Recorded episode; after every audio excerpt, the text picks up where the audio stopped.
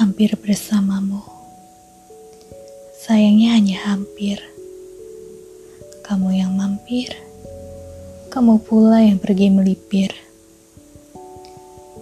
Kamu meninggalkan aku di saat lagi sayang-sayangnya, di saat imajinasiku melayang dengan sungguh senang. Jika itu yang kamu inginkan dariku, aku ikhlas untuk kamu terbangkan lalu kau benamkan dengan tenang.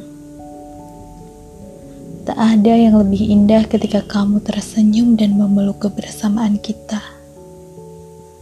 Rasanya gunung setinggi apa pun dapat kita daki bersama. Kini semua tak akan terjadi lagi. Aku akan melupakan semua keindahan itu di atas penderitaan yang telah kau ukir di dadaku. Dengan jahat dan sadis kamu hempaskan semua harapan. Kamu hanya seseorang yang pandai memainkan perasaan. Dan kini aku bersyukur karena Allah telah menunjukkan siapa sebenarnya kamu di mataku.